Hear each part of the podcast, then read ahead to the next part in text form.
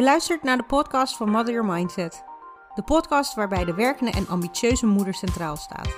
Mijn naam is Marissa Landman en ik neem je mee in mijn Moments with Moms gesprekken met andere werkende moeders.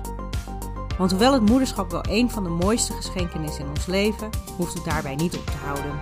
En ook al bedrijven we het moederschap allemaal op onze eigen manier, is het soms gewoon fijn om ons te laten inspireren door de verhalen van anderen.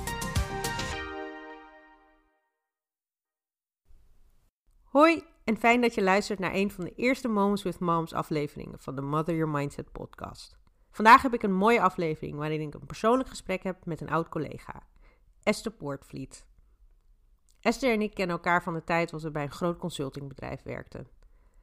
Met 15 jaar ervaring is Esther een doorgewinterde HR-professional. Vlak voor haar 10-jarig jubileum in de consultancy besloot Esther om voor zichzelf en haar jonge gezin te kiezen en verliet de corporate wereld voor een productieorganisatie vlakbij huis. Twee jaar daarna besloot Esther voor zichzelf te beginnen en is nu zelfstandig coach voor onder andere werkende ouders. Daarnaast is Esther sinds 2015 moeder van een zoon en dochter en woont met haar gezin al jaren in Haarlem.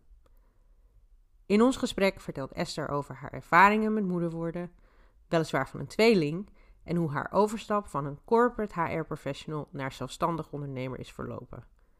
En hoewel het allemaal zo eenvoudig klinkt, heeft ook zij te maken gehad met de nodige uitdagingen. Hoe zij daarmee om is gegaan, hoor je nu. Hey Esther, leuk dat je er bent. Of in ieder geval, ja, dank je. Ja, of in ieder geval virtueel. Hoe is het met je? Ja, goed. Interessante tijden. Maar ja, uh, goed. Is, ja. Dat is net wat ik wilde zeggen. Het zou voor jou ook wel een bijzondere tijd zijn nu met ja, alle coronavirusontwikkelingen en thuis moeten werken.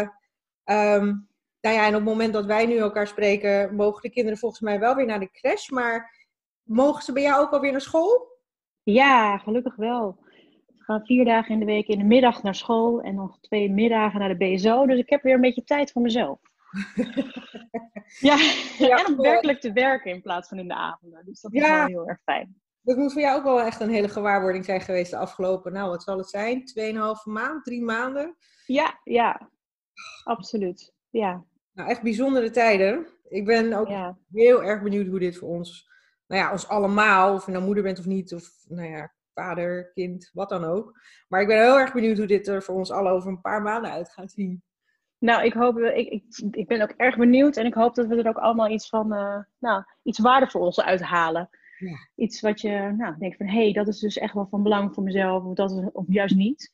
Want ik heb het nu niet gemist, of juist wel gemist. En ik denk dat dat wel echt uh, van impact uh, gaat zijn voor iedereen. Ja, ja deze tijd. Gaan het zien. Ja. hey, maar in ieder geval echt heel leuk dat jij ook wilde deelnemen aan de Moments with Moms gesprekken.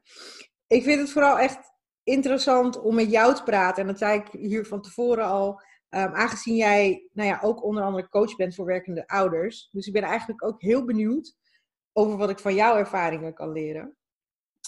Maar, uh, maar goed, voordat we de diepte induiken, vind jij het oké om jezelf kort te introduceren aan de luisteraars? Ja, dat is goed. Ja. Uh, nou, Esther dus. Uh, ik ben 36 jaar, woon in Haarlem.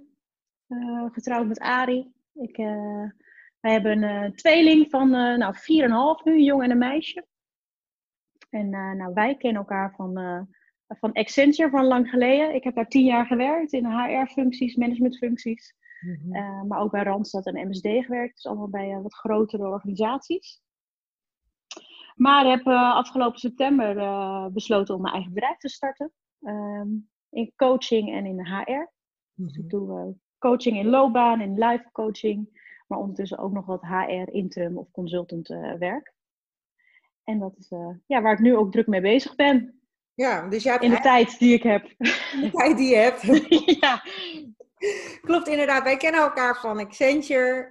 Um, nou, weliswaar wel andere rollen, maar jij hebt altijd ja. wel echt aan de, aan de HR of aan de menskant van de organisaties gezeten. Klopt. Hè? Ja, ja consultant of ja, adviseur zou ik zeggen. En ik zat meer in de business uh, consulting. Ja. Hoe is, nou dan ben ik eigenlijk al heel erg nieuwsgierig. Hoe is voor jou die overgang gegaan van, van ja, de grote corporates naar in één keer voor jezelf beginnen? Hoe ervaar je dat tot nu toe? Ja, dat is best wel een behoorlijk grote overgang. Uh, nou had ik wel al een grote overgang van Accenture naar MSD. Uh, omdat dat ook de grote internationale corporate op de Zuidas naar een uh, productiebedrijf met multiculti en laag en hoog opgeleide. Dus dat was al een cultuurverandering voor mij. Mm-hmm. Maar van een, uh, dat was nog, alsnog een groot bedrijf. En nu heb ik natuurlijk geen collega's en dan zit ik vooral thuis. En alles wat je zelf uitzet, dat krijg je terug. Dus als je niks uitzet en niks doet, dan komt er ook niks naar je toe. Mm. Dus dat is echt even wennen. En, maar het biedt ook absoluut de flexibiliteit die ik zocht en de creativiteit en de zelfstandigheid. Dus uh, ja, het is echt een, uh, een, een, soort van reis of een journey. Uh, ja. voor mezelf ook. Nou, ja. daar, gaan we, daar gaan we tijdens dit gesprek nog wel uitgebreid op in. Ja. Um, ja, nou ja, waar ga ik beginnen? Want ja, ik kan bij Accenture beginnen. Ik kan natuurlijk over je coaching beginnen. Maar laten we ook, aangezien dit ook echt de Moments with Moms um, podcast is, ook even kijken naar hoe is dat met jou gegaan? Kan jij iets vertellen over ja, je ervaring met moeder worden? Um, ja, en, en, en daarbij ook misschien de mooie momenten delen, de uitdagingen. Um, ja, of misschien de dingen die je niet had verwacht in het proces. De voor en daarna. Ja, het is natuurlijk. Uh... Ja, ik wilde altijd al moeder worden. Mijn man was er nog niet zo snel uh, klaar voor als ik. Dus daar moest ik eerst wachten. En toen uh, duurde het alsnog twee jaar, plus een ziekenhuistraject, hmm. om zwanger te worden. Maar toen waren we ook meteen zwanger van twee uh, donderstenen. dus uh, dat was wel meteen uh, hachaka. maar dat was natuurlijk echt een super mooi moment. En ik weet nog dat ik echt op, op een wolk liep en enorm dik was. Ehm, wat ook allemaal weer goed komt daarna gelukkig. Dus ja, ik ben er acht maanden uit geweest destijds. En uh, uh, ja, wat een vreugde dat brengt om uh, twee van die bijzondere kindjes op de wereld te zetten. Maar de familie ook. Ja. Die blijdschap is echt zo mooi. En een tweeling is sowieso bijzonder natuurlijk. Maar dat je die interactie tussen die twee en de groei. En nou, dat zal je straks ook zien als je een tweede kindje krijgt. Mm-hmm. Interactie tussen twee, een broertje en een zusje. Of twee zusjes of broertjes. Ik weet niet wat je krijgt. maar dat is zo mooi om te zien. En uh, ook uh, de vergelijking die je ziet in je kinderen met jezelf. Uh, of met je man. Mijn zoontje lijkt bijvoorbeeld enorm op, me, op mijn man. Oh. Babyfoto's naast elkaar neerleggen. Nou, dat is echt fantastisch om te zien. Maar ja, dat heeft ook wel weer zijn uitdagingen inderdaad gehad. Niet alleen omdat het een tweeling is. Maar ja, het is toch wel... je weet niet hoe het is Mm voordat je zwanger bent. Je denkt wel van, nou, dat zal zo zijn. Ik ga dat zo doen. En ik, ga, ik, ik, ik vind werk ook nog steeds belangrijk. Nou, je, je weet het allemaal niet. En daar ben ik ook wel een beetje tegen aangelopen na, nadat ik terugkwam of nadat ik uh, weer aan het werk ging. In combinatie met ook mijn man. Uh, die heeft ook een periode, nou, zeven maanden lang geloof ik, heeft hij in het buitenland gezeten. Oh, uh, door de weeks toen ze, tussen, toen ze ongeveer 1, 2 jaar waren. Nou, dan, ik weet niet of jullie dat ook weten, maar dan zijn de kinderen vaak heel veel ziek mm -hmm, in de winter. dus dat kwam allemaal op mijn schouders. Uh, ja, kwam allemaal op mijn schouders. Uh, het was een interessante periode, laat ik het zo zeggen. Ja, maar ik, ik weet nu dat ik heel veel dingen aan kan, maar dat ik het niet zo wil. Ik kan me best voorstellen, hè? En, en ik doe nu even de aanname, dus ja. if I'm wrong. Um, je hebt dus ook al een zwaar voortraject gehad. En Werkte je toen bij Accenture nog? Ja, uh, ja je bedoelt voordat ik zwanger werd? Ja? Ja, ja toen werkte ik bij Accenture, ja. ja. En ik kan me voorstellen dat dat ook wel impact heeft gehad. Hè? Ik bedoel, het hele Zeker.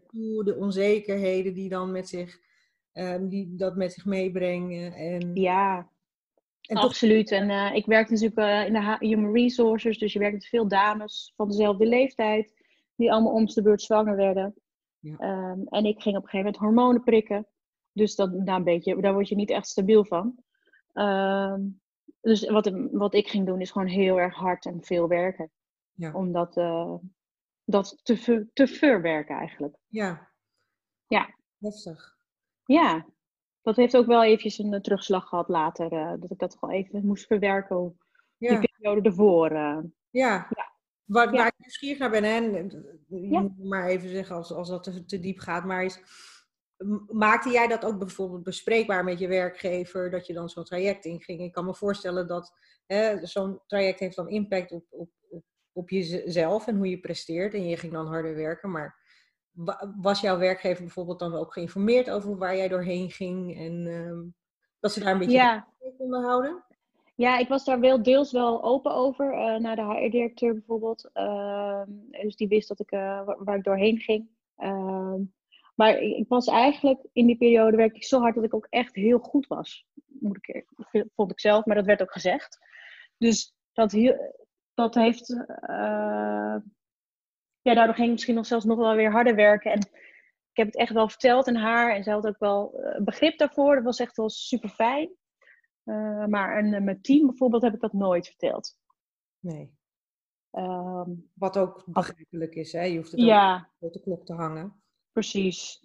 Nee, en ook niet uh, los van het werk, privé ook een, weinig mensen. Dat ik in zo'n ja. traject zat. Ja, nou, het is in ieder geval fijn dat je een soort van supportnetwerk om je heen hebt gecreëerd natuurlijk. Ja, ja, ja. Ja, ik moest ook gewoon een ziekenhuis bezoeken en zo. Dus je moet het op een gegeven moment ook wel vertellen. Ja. Praktisch gezien. Ja, en nou, gelukkig ben je dan ook zwanger geraakt. En dan niet één, ja. maar twee uh, kinderen. Ja. Hoe oud zijn ze nu? Vier en half. Vier en half. Oh god, ja. inderdaad hard zeg. En hoe, hoe ging dat, uh, dat? Die hele ervaring van jou met moeder worden. En nou ja, weet je, je, je weet dan dat je zwanger bent van twee. Dus ik kan me voorstellen dat dat al een hele mooie verrassing is geweest. Ja. En toen waren ze er. Hoe is dat uh, gegaan qua... Ja, je zei al dat je voordat je erin ging een soort ander mindset had dan daarna. Dus hoe is dat hoe heeft zich dat gevormd bij jou? Hè? Van als je kijkt naar Esther die nog niet zwanger was, naar Esther die in één keer twee kinderen had. Ja, ja. Dan heb je dus twee kinderen om voor te zorgen waar allerlei onzekerheid en zorgen die dan opeens opkomen. En je ziet gevaren en liefde die je overstroomt. En um, ja, heel heftig vond ik het vooral. Je noemde ook dat, je, dat jouw man dan ook heel veel in het buitenland zat uh, gedurende ja. van één tot twee jaar. Ja. Ja, kan je iets delen ja. over die onzekerheden die, die er bij jou speelden dan?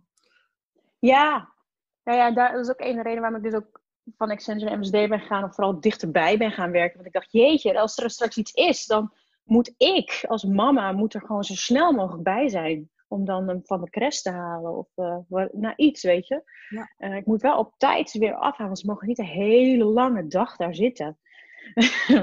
dus uh, ja, dat is natuurlijk, nu ben ik zo'n ontaarde moeder. En ja, dus ik moet ook nog voor mezelf zorgen en er moet ook nog een gezonde maaltijd bij zijn naar binnen proppen, wat ik zelf moet koken. En nou, ik vond dat ik van allerlei dingen moest doen. En ik had verwacht dat voordat ik daar allemaal wel wat relaxed over zou zijn. Mm-hmm. Maar dat was ik uiteindelijk helemaal niet zo.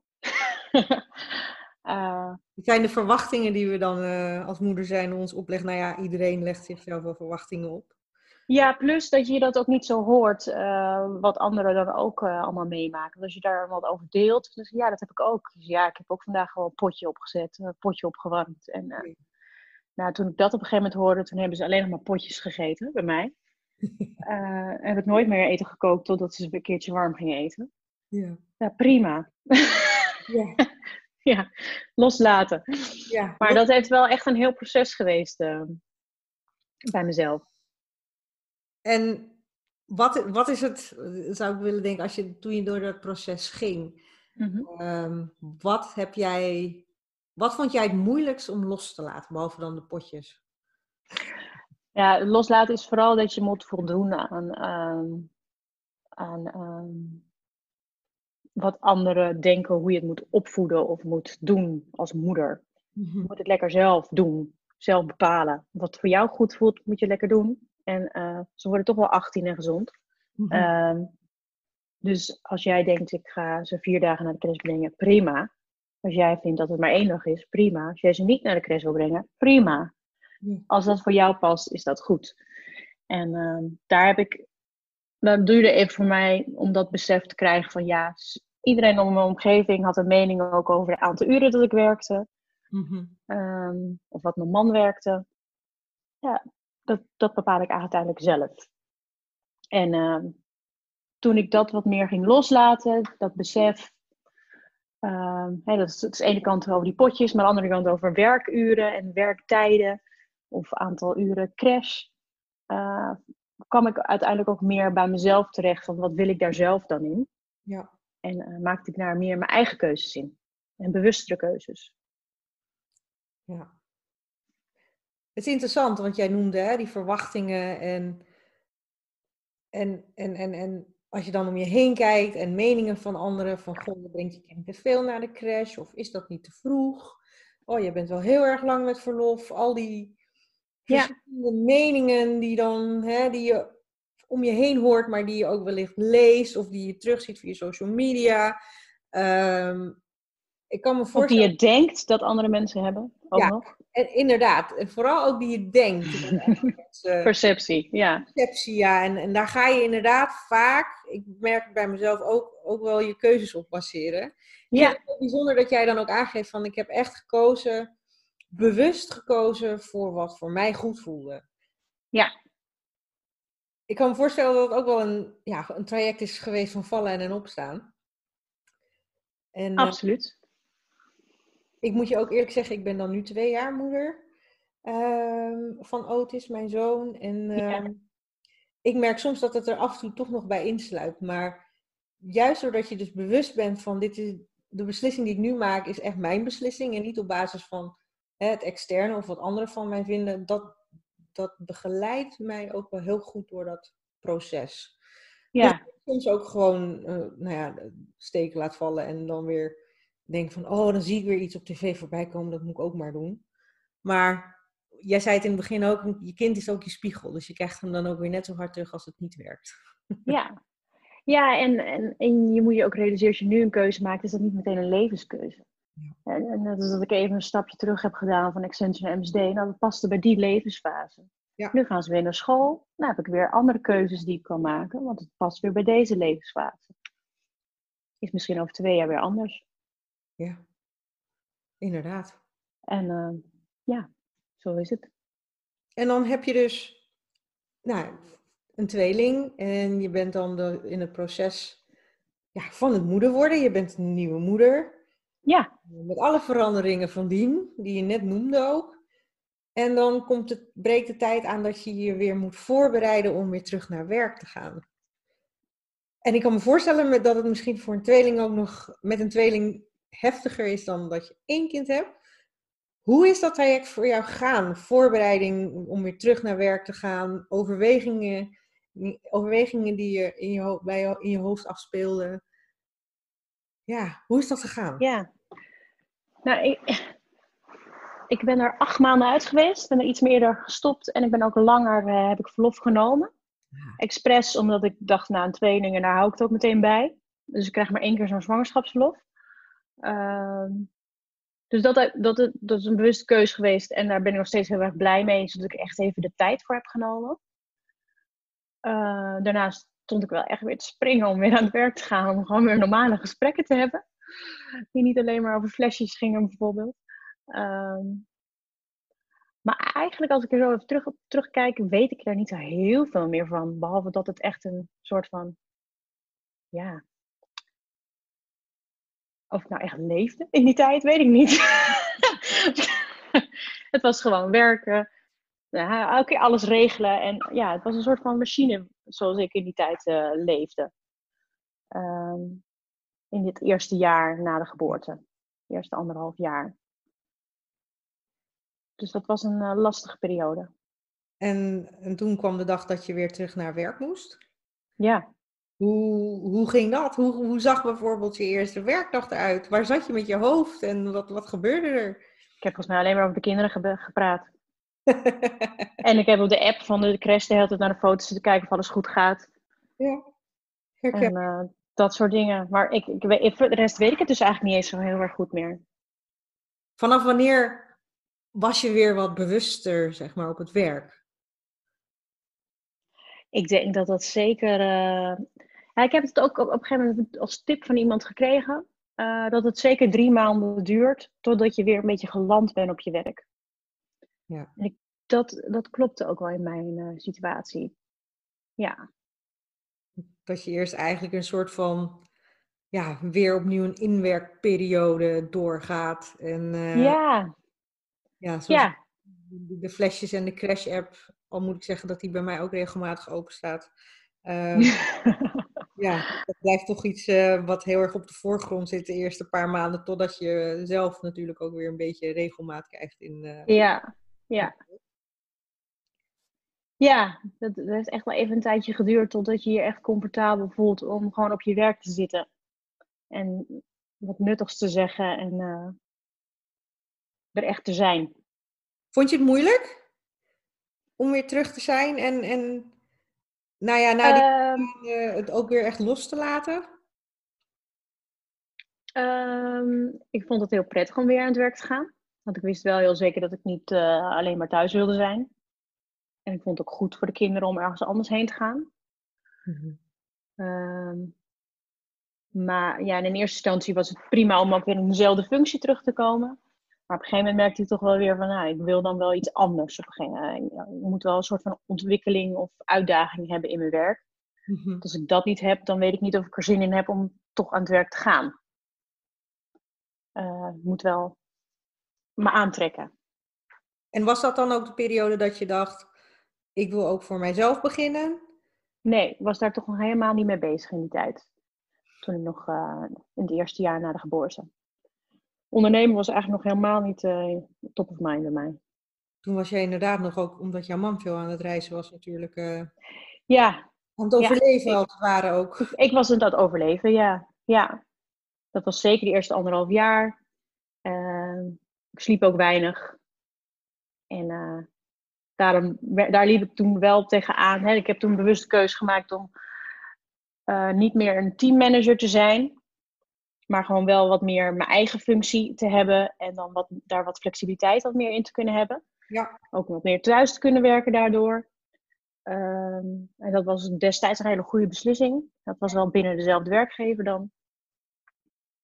Um, maar ook daar merkte ik dan op een gegeven moment dat ik dan toch niet uh, genoeg uh, uitgedaagd werd. Um, ja, dus dat ik daar weer tegenaan liep. Ik kan me voorstellen dat hè, je had dan een, een, een, ja, een teammanagerrol en dan mm -hmm. dat terugschakelen naar een andere rol. Ja, dat is toch ook een, een, een, keuze die jij zelf hebt gemaakt. Hè? En, ja. en neem maar gewoon bewust, want zoals je aangeeft, voelde je je daar ook prettiger bij. Ik kan me ja. ook voorstellen dat dat voor sommige werkende moeders of ouders in ieder geval ook best een lastig onderwerp kan zijn. Hè, ik bedoel, je, voor sommigen voelt het als een stap terug, voor anderen doen ze het gewoon omdat het veel beter voor hem of haar is. En automatisch daarop weer weer vooruit, mentaal en fysiek op vooruit gaan. Um, hoe, wat heb jij daarvan geleerd eigenlijk, als je terugkijkt naar de keuze die jij toen hebt gemaakt? Behalve dat, het, uh, dat je daar uiteindelijk wel blij mee was, maar... Ja, nee, ik, ik heb geleerd dat het goed, als het goed voelt en je daar goed over nagedacht hebt en je daar open over bent waarom je die keuze maakt, dat daar best wel heel veel begrip voor is. Um, en mensen ook nog wel eens vaak zeggen, ja, je hebt je misschien wel gelijk in, of uh, had ik misschien ook moeten doen. Um, dus ja. En ja, de vraag is ook of het een stap terug is dat, dat vind ik eigenlijk ook niet echt. Nee, sommige, en dat is meer wat mijn referentiekader is hier. Sommige mensen zien dat vanuit een extern perspectief. Hè? Ja. En, uh, daar heb jij je niet door laten leiden. Nee, nee. Dat vind ik heel mooi, hè? Iets wat jij voor jezelf echt uh, hebt gedaan in je gezin. Ja. Weet je, en al, al voel jij je goed, zeg maar, om daar te blijven, uh, zolang het jouw eigen keuze is geweest. Hè? En, en, en, jij bent de enige die dat kan aanvoelen. Precies, ja. Absoluut. Dus als ik daardoor rustiger s'avonds op de bank zit, of uh, niet meer mijn laptop hoef open te doen, of uh, niet uh, oververmoeid het weekend inga, ja, dan past dat bij mij en is dat goed voor mij. Dat is, dat is een heel persoonlijke keuze. Ja. De een kan het wel, de ander kan het niet. En heb jij, heb jij dat heb jij daar nog ondersteuning van gehad van een, een, een collega, een ander professional of je man? Of zijn er mensen met wie je daarover hebt kunnen praten in dat hele proces? Ehm, ik heb er absoluut veel over gepraat. Zowel met uh, uh, mijn haardirecteur, met uh, mijn man inderdaad, ook met vriendinnen. en dat helpt mij altijd enorm om het gewoon er open over te praten en de verschillende kanten te, te belichten eigenlijk. en ik heb destijds, ja, zo tussen de Accenture en MSD heb ik geen andere uh, professionele hulp daarvoor gezocht. Uh, wel nadat ik uh, bij MSD weg wilde gaan. Toen heb ik een loopbaancoaching ingeschakeld. Dus eigenlijk wat ik nu zelf ook doe. Om gewoon eens even goed te kijken van wat vind ik nou belangrijk? Wat zijn nou die waardes die ik echt voorop wil stellen in de keuzes die ik maak? Um, om zo weer de volgende stap te bepalen die ik wilde gaan maken. Om een keertje bewust weer nou, de keuze te maken. En dankzij die, en die support die je dus hebt gehad van de loopbaancoach, neem ik ja. dus ook deze ja. stap opgenomen om je eigen coachingbedrijf te beginnen. Precies. Ik zat al te denken van, hey, vind ik haar baan eigenlijk niet ook leuk? Dus dat ging, twee leden ging ik daarheen. Eén om dus om onderzoek te doen voor mezelf. En aan de andere kant te kijken wat ze deed. Ja. om te kijken of ik dat ook leuk vond. En uh, ja, dat bevestigde eigenlijk heel veel dingen die ik al dacht. Ja, en je hebt natuurlijk verschillende smaken in coachen. En ja. als je dan kijkt naar loopbaancoach, kan je dan kort vertellen waar dan echt een loopbaancoach op focust? Ja, uh, ja ik, ik ben loopbaan- en life coach. Dus uh, loopbaan is, uh, is, wat praktischer gericht. Dus, de kant van dromen. Ehm, wat wil je allemaal? Wat, wat, bijvoorbeeld vroeger altijd al gedacht. van hé, hey, dat zou ik vroeger wel willen worden later als ik groot ben. Uh, andere kant, wat kan je allemaal? Dus het is willen, wat kan je allemaal kunnen? En uh, wat moet je ook vooral allemaal doen qua rondvoorwaarden? En op die manier daarna ook heel praktisch van, nou, met wie zou je dan gesprekken aan kunnen gaan? Wat voor bedrijven spreken jou aan? Groot, klein? Wat voor soort cultuur zoek je daarbij? En op die manier zo langzaam de ui uh, eigenlijk af te pellen om te mhm. kijken van, nou, wat past er dan bij jou? En welke acties kunnen we dan in werking stellen om uh, dat te gaan zoeken. Maar het komt ook geregeld voor dat we een loopbaancoachings traject hebben, dat iemand tegen andere dingen aanloopt. Dat het meer zit in het nee zeggen of tegen een, een leidinggevende en dan leidinggevende problemen heeft of nou, andere soorten persoonlijke kwesties. En dan kom je toch wat meer tegen het live coaching aan. Ja. ja. En... Maar allemaal om wat meer grip op de situatie te pakken. Ja. Oftewel je loopbaan in combinatie met gezin, of gewoon je loopbaan, of uh, het leven in combinatie met gezin. En waar ik heel erg nieuwsgierig naar ben, en dat is meer ook, ja, ik wil bijna zeggen therapeutisch, omdat ik daar zelf ook in dat proces zit. Hè. Ik werk um, enerzijds voor ja, een groot corporate, aan de andere kant ben ik dus nu ook mijn eerste stapjes aan het zetten in het ondernemerschap. Ja. Het zijn toch twee verschillende werelden. Hoe heb jij, dat, hoe heb jij die stap los van de loopbaancoach uiteindelijk gemaakt? Wat heeft jou doen? Uh, wat heeft, wat heeft uh, hoe, ik moet het anders verwoorden. Hoe heb jij die knoop doorgehakt? Um, hoe heb ik die knoop doorgehakt? Ja. Uh, ik bedoel, een, een, werken bij een groot bedrijf brengt wat zekerheid mee. En ondernemerschap een en al heel veel onzekerheid. Onzekerheid, risico's. Ja. Ja, alleen. Absoluut. Uh, maar uh, ja, uh, ik kwam op een gegeven moment ook weer, en ik was al bekend met die uitspraak, maar ik, eh, ik kwam hem tegen weer van Pippi Lankhuis. Ehm, die uitspraak van, ehm, ik heb het nog nooit gedaan, dus ik denk dat ik het wel kan. Opeens kwam die heel erg bij me binnen. Ik denk, ja, dit, dit moet ik dus gewoon doen. En toen ben ik echt, heb dat tegen mijn man gezegd. En de volgende dag zat ik bij mijn baas. En heb ik ontslag genomen. Wow. En opeens voelde het gewoon zo goed. En we gaan het gewoon doen. Punt.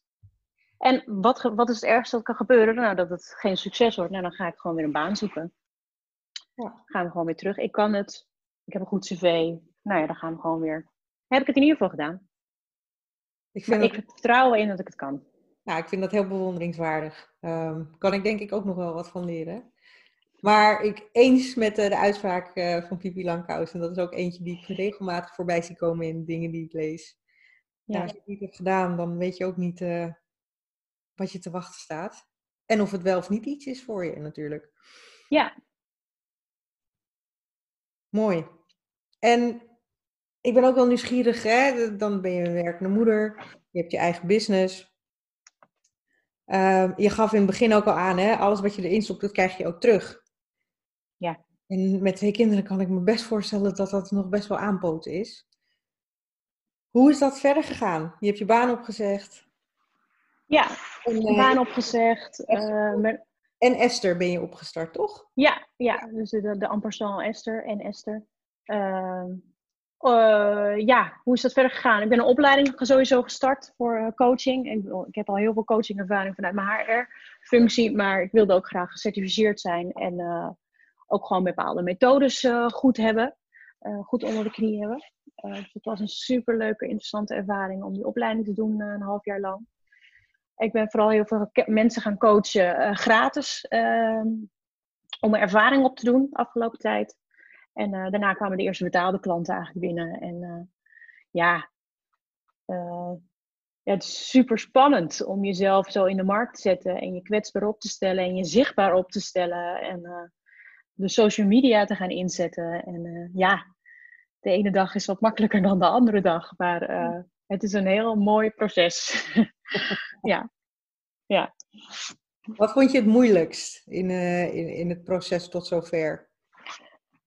Nou, het moeilijkste moment is altijd voor mij de maandagochtend. uh, ja, want dan uh, zit ik hier opeens. Uh, nou, op dit moment staan mijn kinderen dan nog thuis, maar zodra ze weer naar school zijn, zitten ze lekker daar. En zit ik om negen uur achter mijn laptopje en dan denk ik, ja. En nu?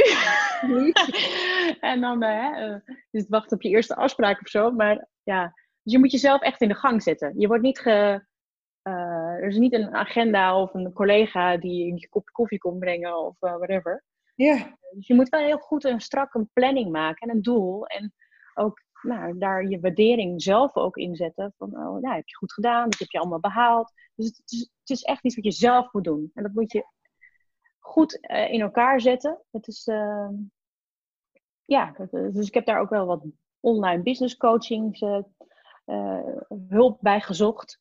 Hoe ik dat echt goed kan doen. Uh, ja, je moet echt blijven leren en of openstaan voor nieuwe dingen. Om jezelf maar aan de gang te houden. Anders blijft die maandagochtend echt een groot ding. En dan werd het op een gegeven moment was het zelfs zondagavond al. Dat ik dacht, oh, morgen is het weer maandagochtend. en uh, ja, dan, uh, dan wordt het een steeds groter ding. Dus uh, ja, dus eigenlijk, wat je zegt, is eigen verantwoordelijkheid. Is echt wel wat erbij is komen kijken. Natuurlijk had, je, had je die wel al toen je bij je vorige werkgever zat. Maar het was natuurlijk anders, kan ik me voorstellen. Omdat je ook niet een leidinggevende hebt die zegt van... Goh, Esther, goed weekend gehad. Ik heb weer wat ja. leuke dingetjes voor je. Ja, ja, dus je moet er, en dat is een van die dingen dat ik dus ook opgezet heb, is om met andere coaches uh, zo af en toe even bij te kletsen. Uh, dus ik heb ook al, nou, zouden we na de corona dan weer gaan opstarten, maar om dat bijvoorbeeld op de maandagochtend te doen, online. Ja. of één keer in de maand even fysiek een kopje koffie te doen. Om zo elkaar ook te inspireren en uh, te vertellen wat je aan het doen bent. En dan toch een beetje die samenwerking ook op te zoeken. Ehm, ik denk dat dat heel erg belangrijk is, ehm, voor mij in ieder geval maar ik denk voor vele ondernemers. En jij richt je in jouw coachingsrol en, en, jouw bedrijf, zou ik eigenlijk moeten zeggen, met name op werkende ouders, toch? Ja, klopt. Ja. Dus de, de dertigers, de veertigers die een jong gezin hebben, die opeens zien dat het leven niet alleen maar om het werken draait, maar eigenlijk om heel veel dingen. En die zich realiseren dat ze nou ja, toch ook wel een bepaalde rol willen spelen thuis. Ja. Die tegenaan lopen dat uh, die loopbaan uh, nou, wellicht toch niet meer zo passend is bij, uh, nou, in combinatie met het gezin dat ze hebben. Soms zelfs afvragen van hoe kan je überhaupt nog carrière maken als je moeder bent geworden. Mm-hmm. nou ja, dat soort vraagstukken. Echt die de werkende ouder heeft, zowel de vader als de moeder, maar ook steeds, steeds meer vaders lopen daar tegenaan. Ja, je hoort het inderdaad heel veel vanuit uh, moeders. Hè, van, kan ik nog carrière hebben als ik moeder ben geworden? En mijn, mijn, persoonlijk antwoord zou zijn, uiteraard. Ja. Ehm, maar je hoort dus ook steeds meer vaders. Dat vind ik wel interessant. Um, vanuit welk oogpunt is dat dan? Of is het nu tegenwoordig ook zo? Ik zeg tegenwoordig omdat het natuurlijk vroeger gebruikelijk was dat de vader natuurlijk, uh, nou ja, de, de uh, ja, zorgde voor inkomen en brood op tafel op de planken. Uh, Maar hoe, is, hoe ziet dat dan eruit? Ben ik eigenlijk wel benieuwd naar. Ja, ja je ziet gelukkig ook al steeds meer vaders op het schoolplein. Dus dat is ook een mooie. Ehm, maar ja, die willen ook steeds groter eh, deel van eh, het leven van hun kinderen zijn, merk je. Ehm, maar worstelen dan toch ook wel van, ja, maar ik ben toch inderdaad de man die het geld thuis heeft moeten binnenbrengen. Ja. Ehm, en uh, ja, is dat, dan ben, ik, ben ik dan wel een echte man als ik 32 uur ga werken of, um, of thuis ga werken of de kinderen van, van school ga halen. ja, kan ik dat wel vragen aan mijn werkgever? Dus het zijn wel andere soort uh, vraagstukken dan de vrouw vaak uh, tegenaan loopt. Maar ehm, ja, ook wel echt ander soort. Ja, het zijn toch ook bergen waar ze tegenaan hobbelen. Ja. Tegenaan lopen. Ja. Als ik ook luister naar die vraagstukken die jij net benoemt, is het ook weer heel erg gericht op het externe. Van, ja. hè, ik ben toch de broodwinnaar thuis. Ik moet geld binnenhalen. Is het raar? Dat ik als man 32 uur ga werken. Ja. is toch wel bijzonder. Ja, gelukkig, gelukkig zien we dat wel steeds meer. Maar, uh, en, en wordt het vaderschapsverlof ook verlengd straks. Dus dan wordt dat ook weer makkelijker als een vader om dat werkelijk te gaan doen. Maar er zijn nog heel wat uh, heilige huisjes in de, in de, nou, in de corporate wereld uh, die gebroken moeten worden. Vernield moeten worden zelfs. Ja. Um, voor de mannen. Interessant. Ik zou zeggen, niet alleen in de corporate wereld, als ik jou zo hoor. Het zijn ook wel echt algemene vraagstukken. Ja, ook. Ja, ook sociaal, denk ik. Ja. Vriendengroepen en uh, ja. ja. Anders dan hun vaders deden. Hè? Dus dat is, uh, onze moeders hadden een hele andere rol. Die zaten thuis. De vaders van ons allemaal, die waren hard aan het werk. Ja. Interessant. We zouden daar zo een uh, heel andere podcast over voor op kunnen nemen. Nou, wellicht, ja. Specifiek voor mannen. Dus, uh, ja. Interessant. of that, ja. Um, wat vind jij het, het, het, leukst tot nu toe? Waar, als je zeg maar de ideale werkdag hebt. Waar kan je echt van, van genieten? In je nieuwe Ja, ik, ik, ik, geniet er enorm van als ik een, een hartstikke leuk coachgesprek heb gehad met iemand uh, en die echt tot mooie inzichten komt.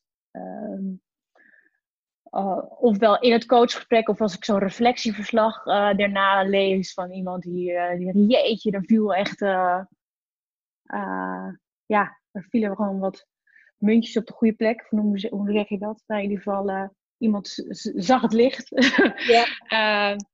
en ja, dat vind ik echt super mooi om te, om te zien. En aan de andere kant, als je dan weer dingen hebt uitgewisseld, ook met andere coaches, of zelf een bepaalde nieuwe techniek hebt ontdekt en dat kan uitproberen. Ehm, ja, als je echt dus van waarde bent op een positieve manier voor een ander, uh, zodat die uh, ja, wat meer regie of grip heeft op de situatie. Dat vind ik echt fantastisch dat dat op een dag gebeurt.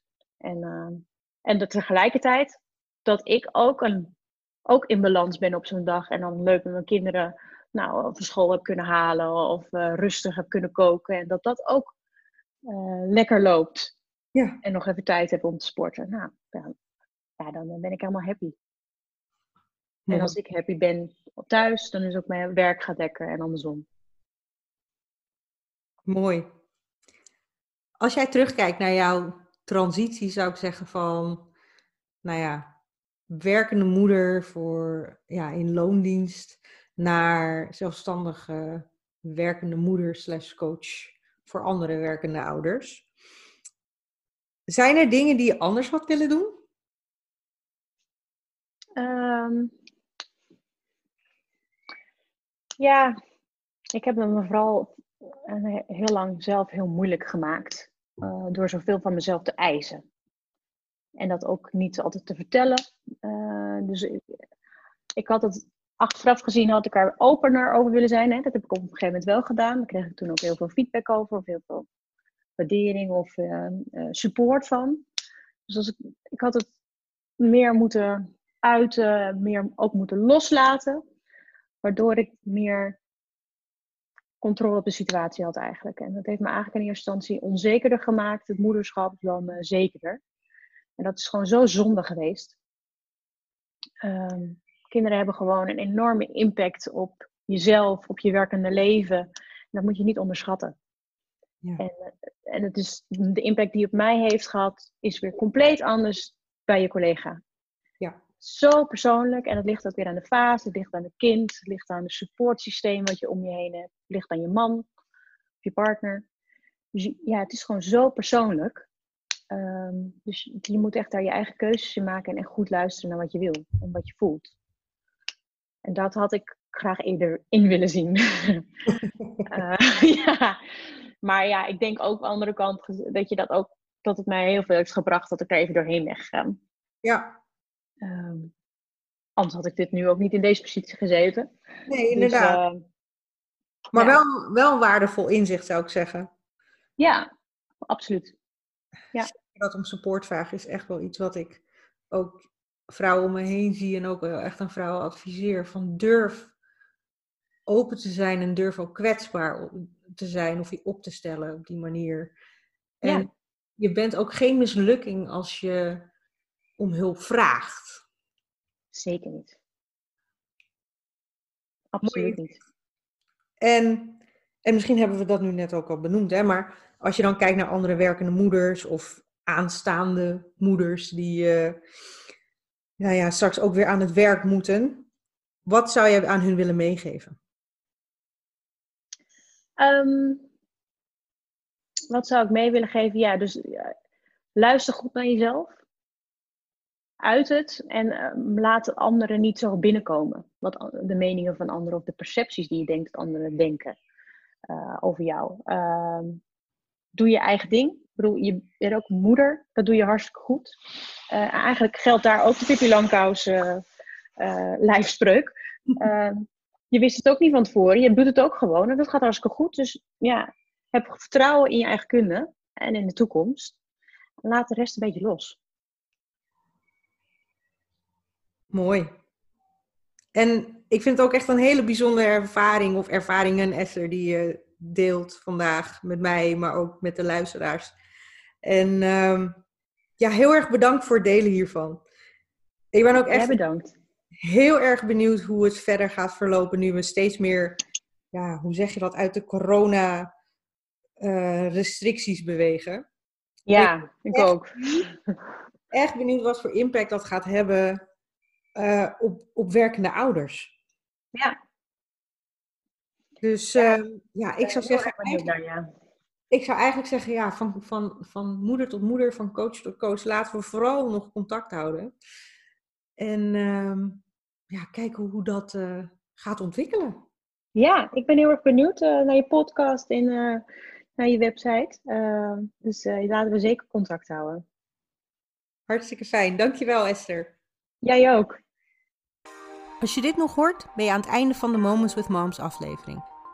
Ik hoop dat je genoten hebt en ook geïnspireerd bent door mijn gast. De Moments with Moms gesprekken zijn afgeleid van mijn Moments with Moms programma. Meer informatie hierover kun je vinden op www.motheryourmindset.com. En ook ben ik benieuwd naar jouw ervaringen, opmerkingen of vragen. Dus deel deze gerust op de site of via mijn Instagram pagina Marissa Landman. Bedankt voor het luisteren en tot de volgende keer.